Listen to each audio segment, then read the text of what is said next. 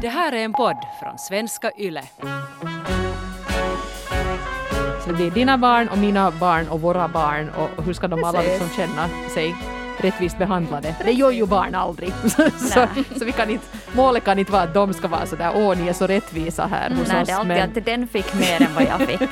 nej, men att, att ändå sådär i princip så är det en, en rättvis behandling.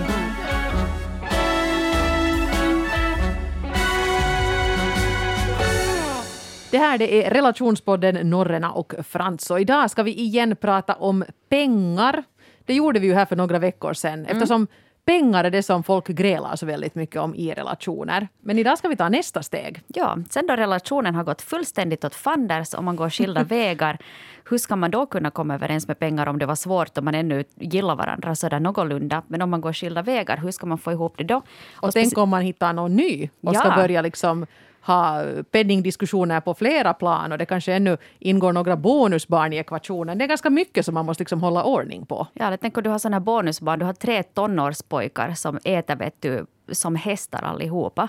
Som inte alltså märker att hela din veckomatbudget går åt bara till dem. Var är min granola? Var är min granola? Ja, den, du köpte en igår men nu är den borta. Den är borta. Ja. Den ligger i hockeyspelarnas magar. Ja, men Nej, det- precis. Men, men jag menar, det, det är mycket faktiskt som, som man måste beakta. Och frågan vi, vi funderar på är att går det att uppnå någon sorts ekonomisk harmoni också om man kanske har en ny familj och ett ex och, och, lite gemensamma barn här och där. Eh, eller blir det här alltid inflammerat? Mm.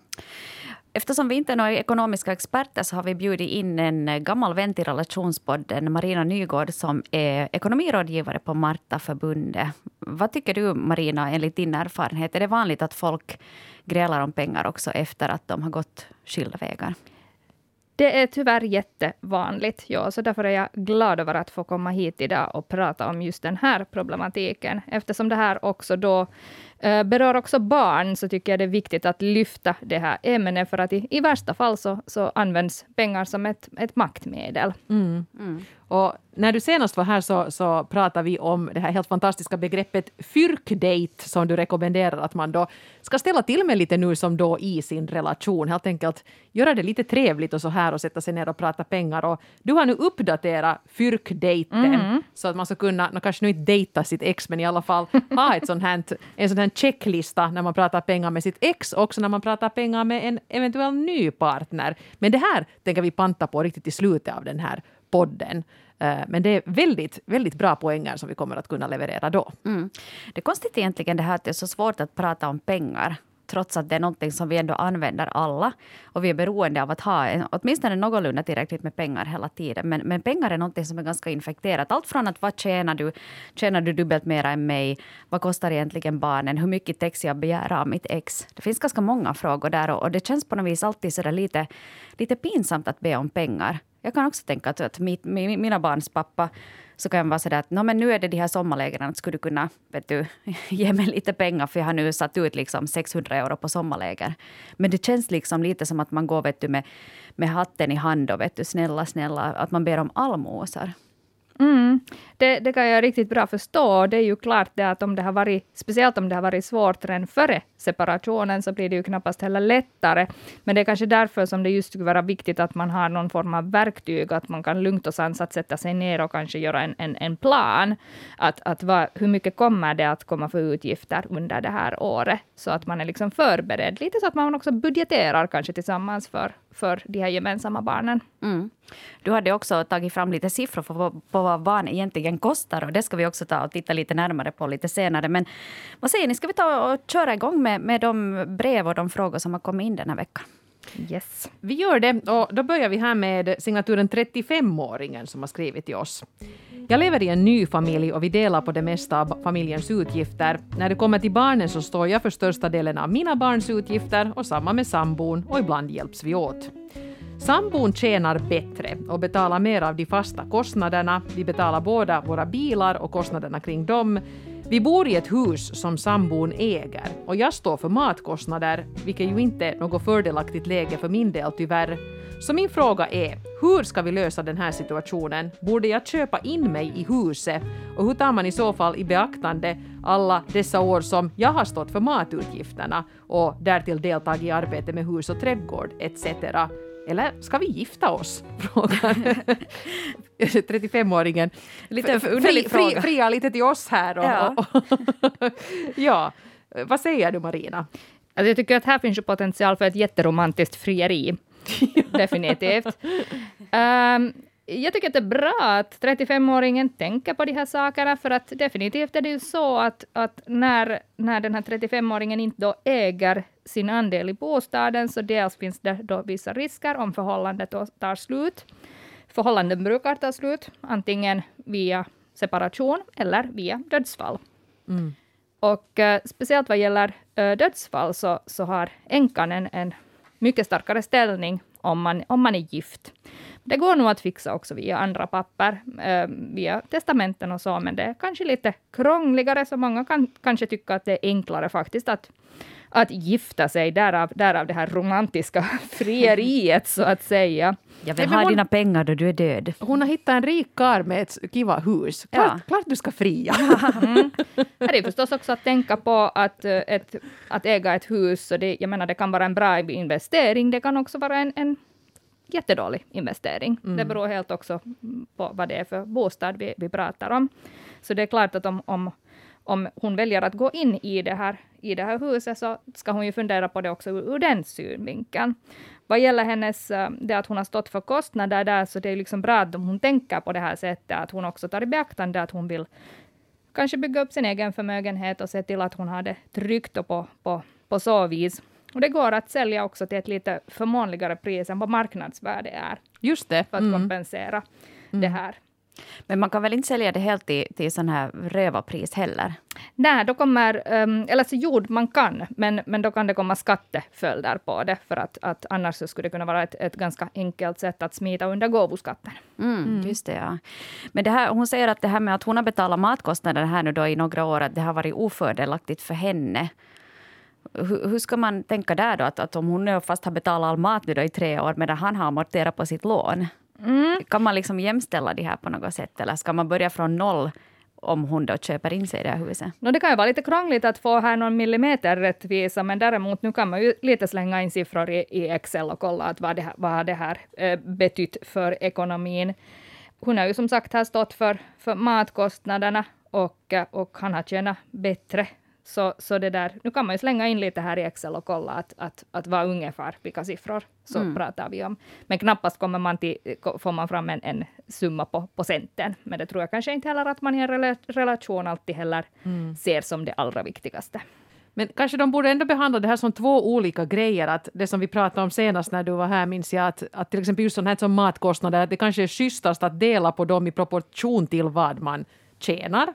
Så att om man tjänar då, låt oss säga 60 procent och hon 40 procent så är det liksom samma, samma som man då betalar andel av maten. Och sen det där huset, att de skulle liksom diskutera det då. För de tycks ju ha löst det här med barnen och de är nöjda med Precis. det här att var och en betalar för det, de egna barnen. Så, så kanske det där huset är det som de borde nu diskutera. Gå till en jurist kanske, så att En säkert jurist. allt blir rätt med skatter och sånt. En jurist är alltid en, en god idé och framförallt om, om, om de också funderar på, på giftermål så är det en, en, en god idé att diskutera att, att i, i så fall hur skulle man kunna skriva pappren också på eventuella äktenskapsförord och vad betyder ett giftermål ifall det då slutar med skilsmässa eller med dödsfall.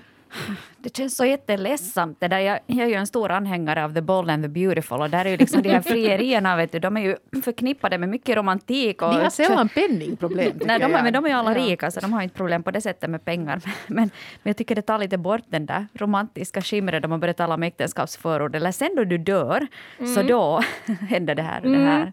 Men det är ju kanske det också att många nu för tiden när man gifter sig så kanske man redan äger någonting, man är lite äldre, man kanske rent statistiskt så kanske man inte är liksom 19 år och har ju, just gått ut andra stadiets skola, utan man är lite äldre och då, då blir det också en annan problematik, eller inte nu problematik, men att man bör ta ställning till de här frågorna. Mm. Och, och kanske det att ju äldre man är och desto mer man har levt, så, så desto mer blir det också att man får fundera på också det här juridiska och praktiska när man gifter sig.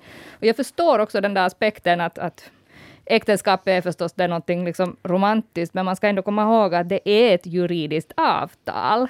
Jag vet att det låter liksom lite torrt, men så är det. Ja, ja. Men having said that, klart ni ska gifta er! Ja, Alla era släktingar och vänner vill gå på ett bröllop efter det här eländiga året. Ja. och så, ja, men som sagt så kan det ju vara också en, en liksom Ja, ett, ett bra sätt att, att ta den här diskussionen. Att bestämma er först att ska ni gifta er eller icke och sen faktiskt fundera på det här huset sen i, i samma veva. Precis, och dessutom så man kan ju alltid gifta sig. Man kan gå till eh, det som inte längre heter magistraten, utan som heter Myndigheterna för befolkningsdata och digitalisering. Det är ett romantiskt ställe. Oj, oj, oj, oj. Men man kan ju ändå... Going to the myndigheter för.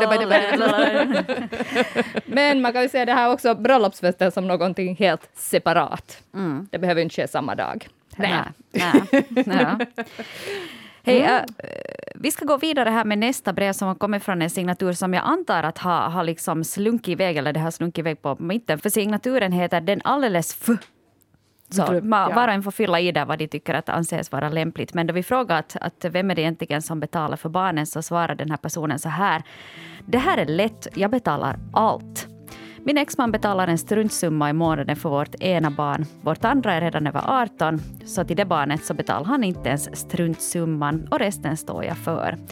Det känns ju alldeles för jäkligt och jag har faktiskt eh, spenderat många sömnlösa nätter över detta, men det hjälper ju inte. Så det är bara att bita ihop och tänka att de är mina barn och jag ska klara det.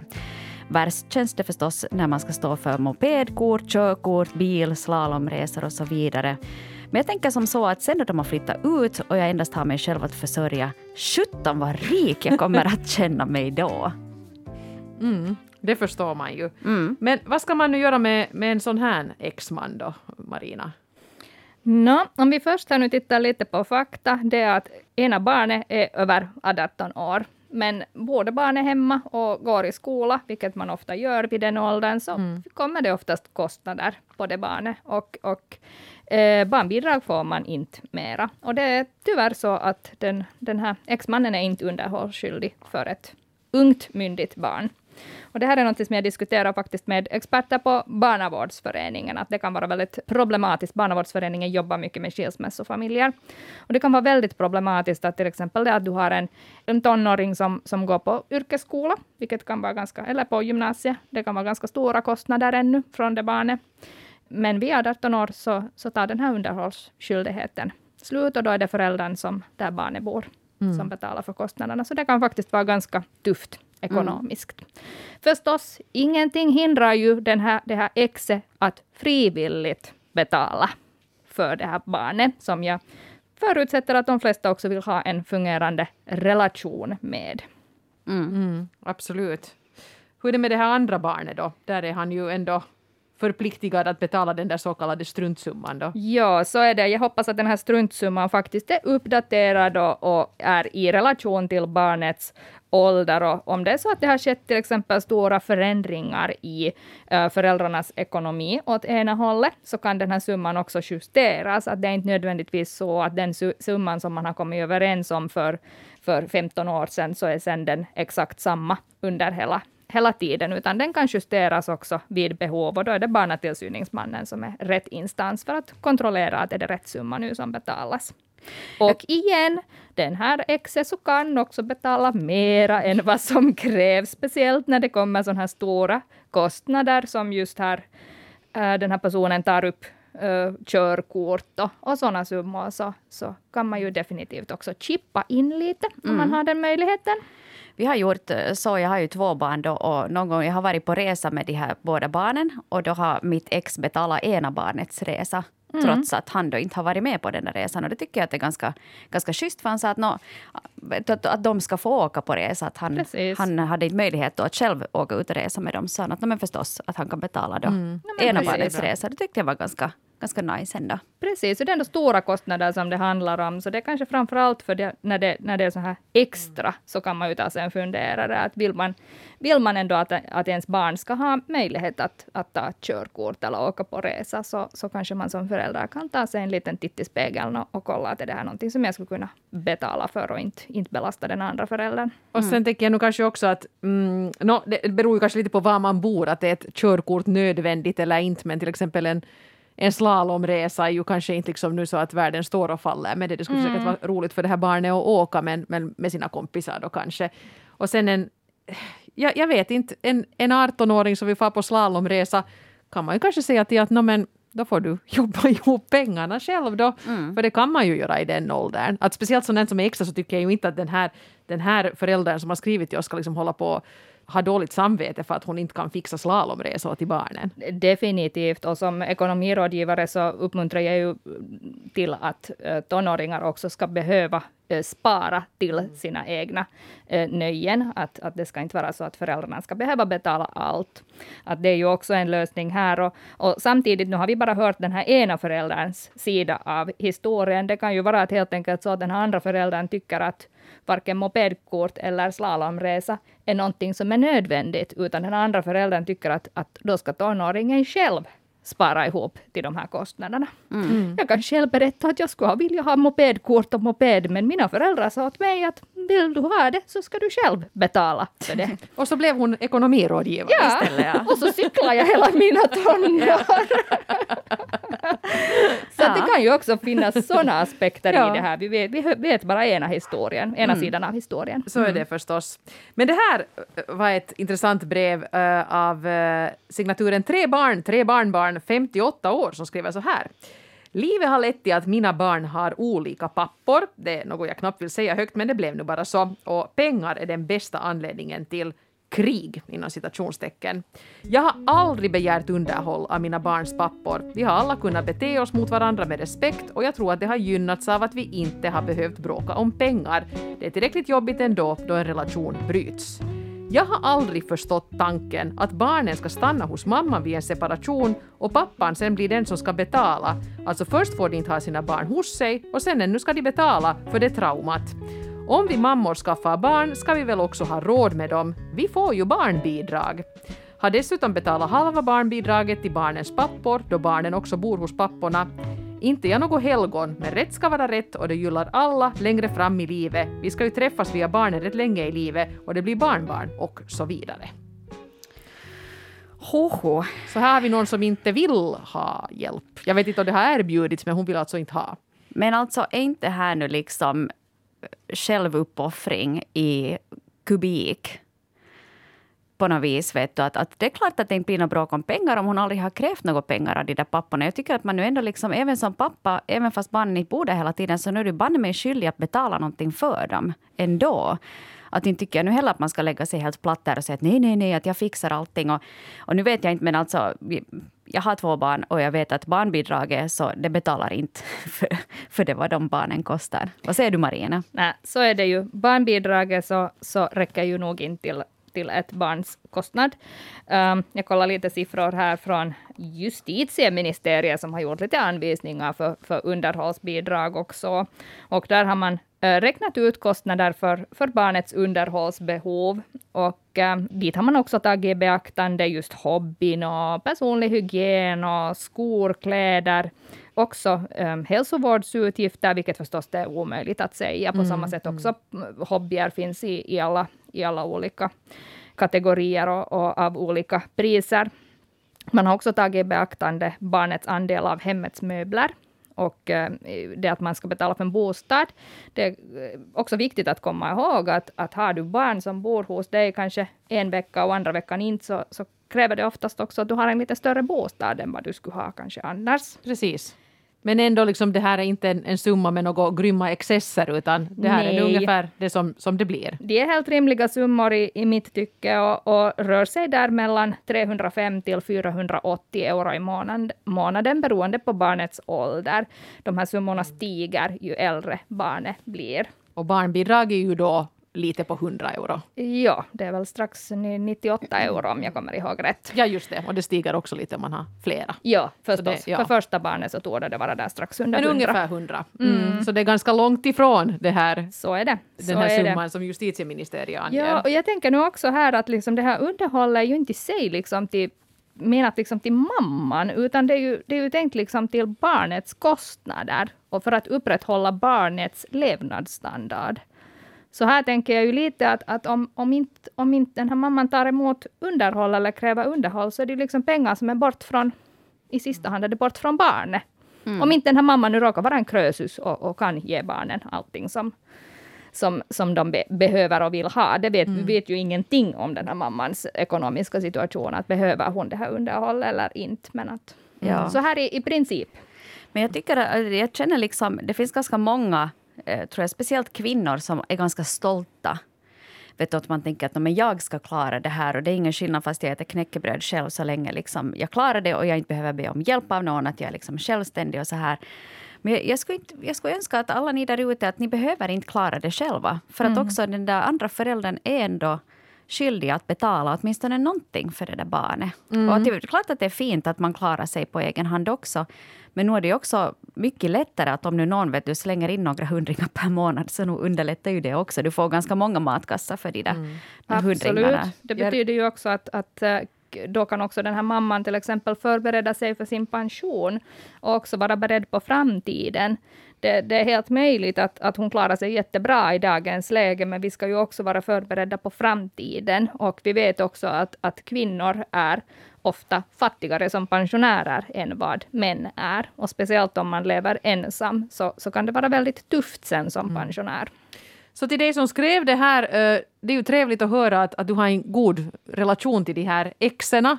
Men jag reagerar lite på det du skriver här att om vi mammor skaffar barn ska vi ju också ha råd med dem. Nå, nu har de där papporna ju också varit med i det där så kallade skaffandet av de där barnen. Så jag, jag förstår inte riktigt varför du tycker att ansvaret då ska ligga bara hos den som, som faktiskt då har fött barnet, utan nu var det ju aktiva och delaktiga och, och, och skyldiga till att det blev som det blev. Så att inte det är ju på något sätt nu liksom orimligt att begära att de också hjälper till med det ekonomiska. Men om det här funkar för dig så bra. Jag tycker det är viktigt också att komma ihåg att det här är liksom en lagstadgad rättighet. Att det är inte så att, liksom att mamman ska be behöva kräva någonting, Nej. utan det, det är riktigt liksom i lagen skrivet att, att pappan har, eller den andra föräldern har också underhållsskyldighet.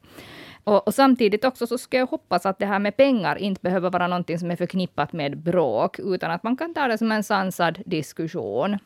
Och, och eh, Ja, den här, eh, i det här brevet så togs ju också upp det här med att, att man också liksom förlorar rätten till barnen och sen ska man också betala, men det här är ju också någonting som gås Mm. Och så har de ju igenom. inte gjort, barnen bor ju också hos papporna Mm. då tydligen. Så Ja. nu har de ju på något sätt ett, ett delat upplägg då, men, men det här men ja, Jag får jag fråga bara en sak så här nu, nu är det, folk har ju lite olika arrangemang och så där, men vad säger du Marina överlag att om man nu har ett sådant klassiskt vecka-vecka-system Mm. så då, då betalar väl ingen dera underhåll åt varandra? Eller? Ehm, det brukar oftast kanske gå på det viset att om man, om man faktiskt då liksom har vecka, vecka eller växelvis boende, som jag har lärt mig att det egentligen heter, för det kan också vara typ 10 dagar, 10 dagar eller 6 dagar, 6 dagar.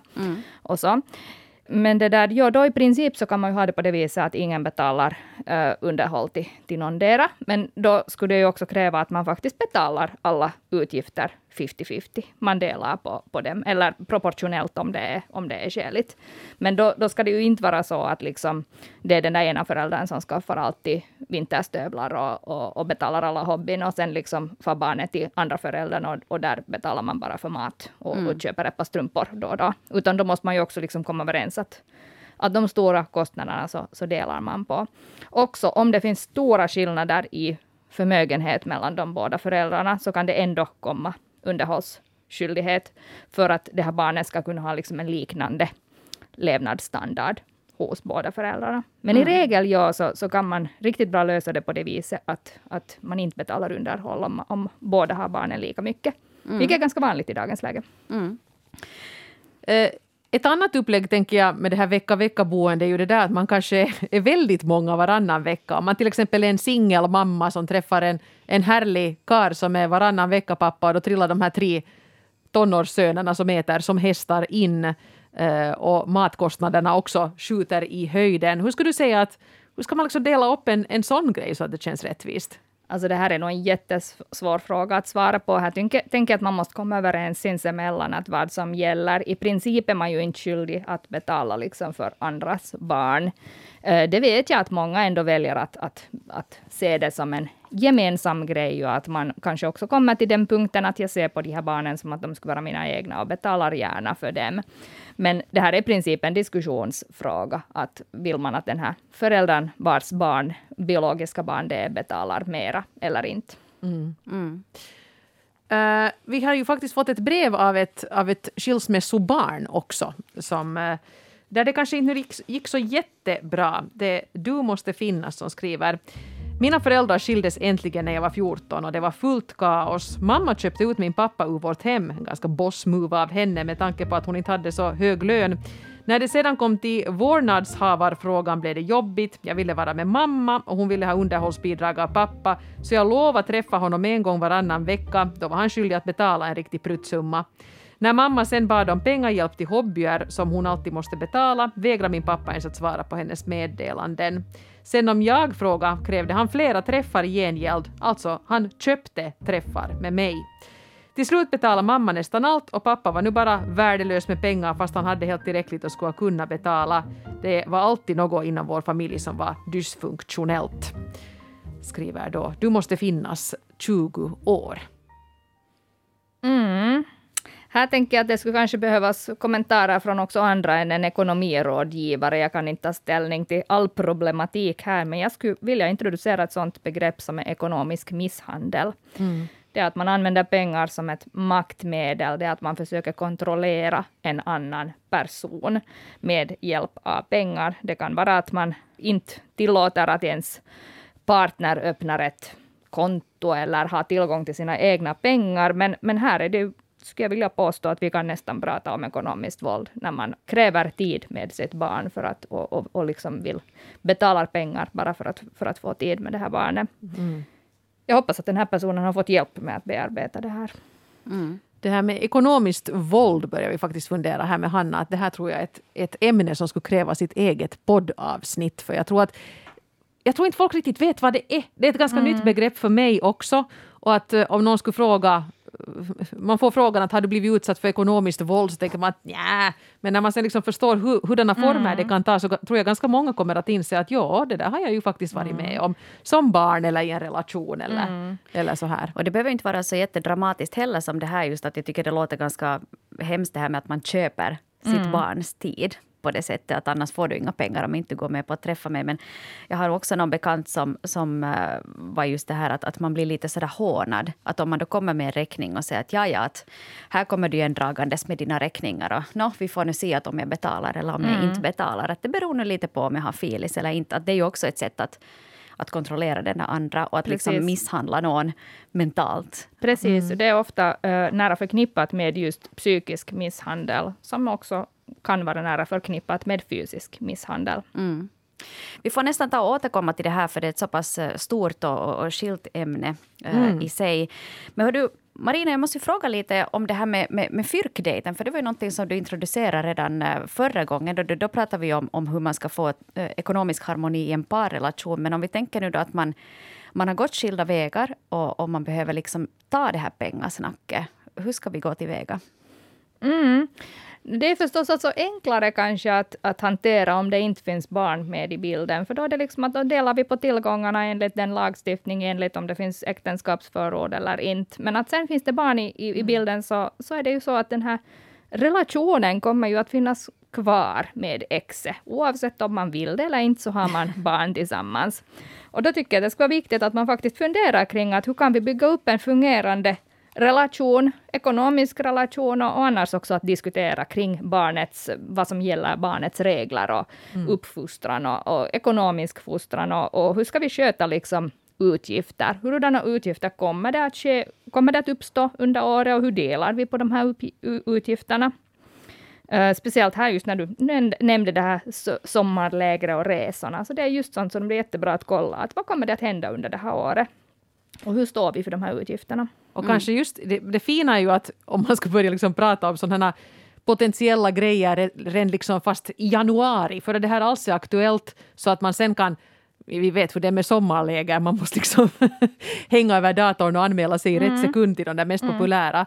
Att det liksom inte blir så att man anmäler och sen måste begära pengar. Att man har snackat om det där liksom redan på förhand. Precis, man kanske har ett konto som är liksom just för barnets utgifter eller man har liksom byggt upp ett system. Jag tar inte ställning till hurdant det här systemet är, men att man har liksom gått igenom det här. Att hur sköts den här pengatrafiken och, och, och liksom att ska det här barnet få veckopeng eller inte och vad ska pengarna räcka till och hurdana värderingar gällande pengar vill vi liksom föra vidare. Det är ju också så som vi redan var inne på, att det är också helt möjligt att, att den där, man vill köpa, ena vill köpa slalomresa och den andra vill att barnet ska själv spara ihop till, till slalomresan. Att man Och ena tycker att fem euro är en bra veckopeng och den andra tycker 50. Att man Precis. liksom kommer överens om det. Du Ja. har gjort en bra checklista här. Jag ska säga att vi sätter ut den på svenska.yle.fi. Och det här, jag tänker mig att det, det är så konkreta grejer här på den här listan att om man till exempel nu har ett, ett ex som är lite så här bångstyrigt men inte liksom, det går nu ändå på något sätt att diskutera med de här penningdiskussionerna blir alltid lite för argliga. Så det här är superbra. Copy-paste på den här listan, skicka till exet och säg att hörde att de här grejerna, ska vi fundera på dem nu på varsitt håll och så tar vi en kaffe någon dag och, och pratar om vad vi har kommit fram till. Precis, För man vill ju kanske inte gå på dejt med sitt ex, det är konstigt. Nej, vi, vi kanske skip, skippar det här liksom um, vinet i glaset och, och tar det lite, vi kan försöka göra det trevligt. Mamma och pappa ihop igen! Men det där, däremot så rekommenderar jag ju starkt att man faktiskt liksom också för anteckningar, kanske gör en Excel, skriver upp att vad kommer, vad kommer det att uppstå för kostnader och, och, och funderar igenom de här sakerna och bygger upp ett system. Eh, det kan låta, låta ibland, ibland får jag höra att ja, men inte behöver man göra det så krångligt och, och, och det där, ska man nu faktiskt sitta och behöva göra någon Excel eller någon lista över det här. Att det är nu inte lite sådär, lite, lite för petnoga att, att så här. Men jag tycker att det, det, det handlar ju om att man bygger upp ett sys- system en gång och sen finns det här systemet. Och sen justerar man vid behov, men det är liksom ett engångsjobb. Så slipper man gå och vara liksom lite frustrerad varje gång någonting ska köpas och man Precis. måste lite ringa och smsa att de har nu sådana här stövlar på rea här. Att ska jag... Precis. Ska jag slå till eller Ja, inte? precis. Och Ja. så svarar han inte och så for de och så fan. Ja. ja. Nej, men det här är jättebra. Det här är alltså då fyrkdejten med ditt ex. Men sen måste man ju också kanske ha en annan form av dejt med en potentiell ny partner som kanske Ja. också kommer med hus och, och barn och allt möjligt. Hur, hur gör man då? då? Och där kommer kanske lite andra frågor upp, att där kan man ju med fördel fundera på att hur har man haft det i tidigare ekonomiska relationer, att hur har man, hur har man styrt upp det tidigare och har det funkat eller har det inte funkat? Vi har alla vårt bagage med oss så att säga. Och, och sen lite att, att ska vi nu ha gemensamma pengar eller ska vi dela på någonting och hur är det med tidigare egendomar? Att, att ska jag nu liksom, om jag har en stuga så blir det nu då också din stuga eller den min stuga och jag kanske vill att min stuga ska gå till, till mina barn och inte till dina arvsfrågor. Där kan komma också sådana grejer upp att, att kanske, kanske om, om jag har ett barn och du har ett barn så kanske barnen har liksom egna mor och farföräldrar som sparar åt dem till exempel. Ja, det är du en bra poäng här på den listan säger. Hur ska vi se på rättvisa i behandlingen av våra barn? Så det blir dina barn och mina barn och våra barn och hur ska de alla Precis. liksom känna sig rättvist behandlade? Det gör ju Precis. barn aldrig. så, så vi kan inte, målet kan inte vara att de ska vara så där, åh ni är så rättvisa här hos Nej, oss. det är alltid men, att den fick mer än vad jag fick. nej, men att, att ändå så där i princip så är det en, en rättvis behandling. Precis. Vi lägger upp de här listorna förstås på, på svenska.yle.fi så där kan man gå in och kolla då, eh, Marinas checklist för en lyckad fyrkdejt oberoende om det är med ex eller sen kanske det är nya kärlek. Men vi skulle kunna avsluta här med ett brev som kom in från signaturen Kvinna 40 plus som har löst hela den här situationen med att ha en ny partner och en ny familj på följande sätt. Jag är en frånskild tvåbarnsmor som har träffat en ny älskling för något år sedan men som nu för tiden håller stenhårt på mitt och ditt. Att ha gemensamt boende kommer inte på frågan utan vi träffas och vi trivs och det här är vi båda överens om. Jag och barnens far delar på utgifter som rör barnen, inte helt på centen kanske men vi hjälps åt och jag tycker det funkar. Jag tror, som ni också har funderat, att man i vår ålder med en skilsmässa i bagage aktar sig lite för gemensamt boende. Varför riskera en fin relation med vardagsgnabb? Och fast jag gillar att umgås med älsklingen så nog är det ju underbart när man kommer hem till sitt eget hem och får kasta fötterna på bordet om man vill. Tycker kvinna 40. Mm.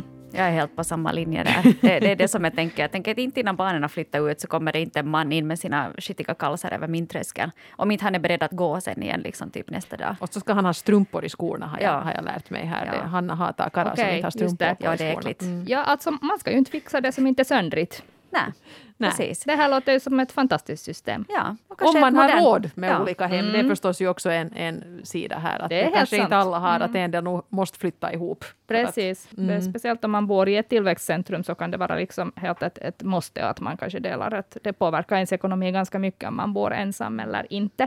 Men det är ju inte bara pengar här som är viktigt, säger jag, ekonomirådgivaren, utan här är ju också livskvaliteten och vad man, vad man uppskattar i livet. Och den här kvinnan prioriterar sin frihet, det att hon inte behöver se på sin mans skitiga kalsonger. Så, så Och hon har, Bra dis- för hon har helt tydligt diskuterat både Mm. med exet och med Ja. sin nya. De har ett system som fungerar för dem och det är ju liksom, det är väl kanske dit som alla borde försöka sträva.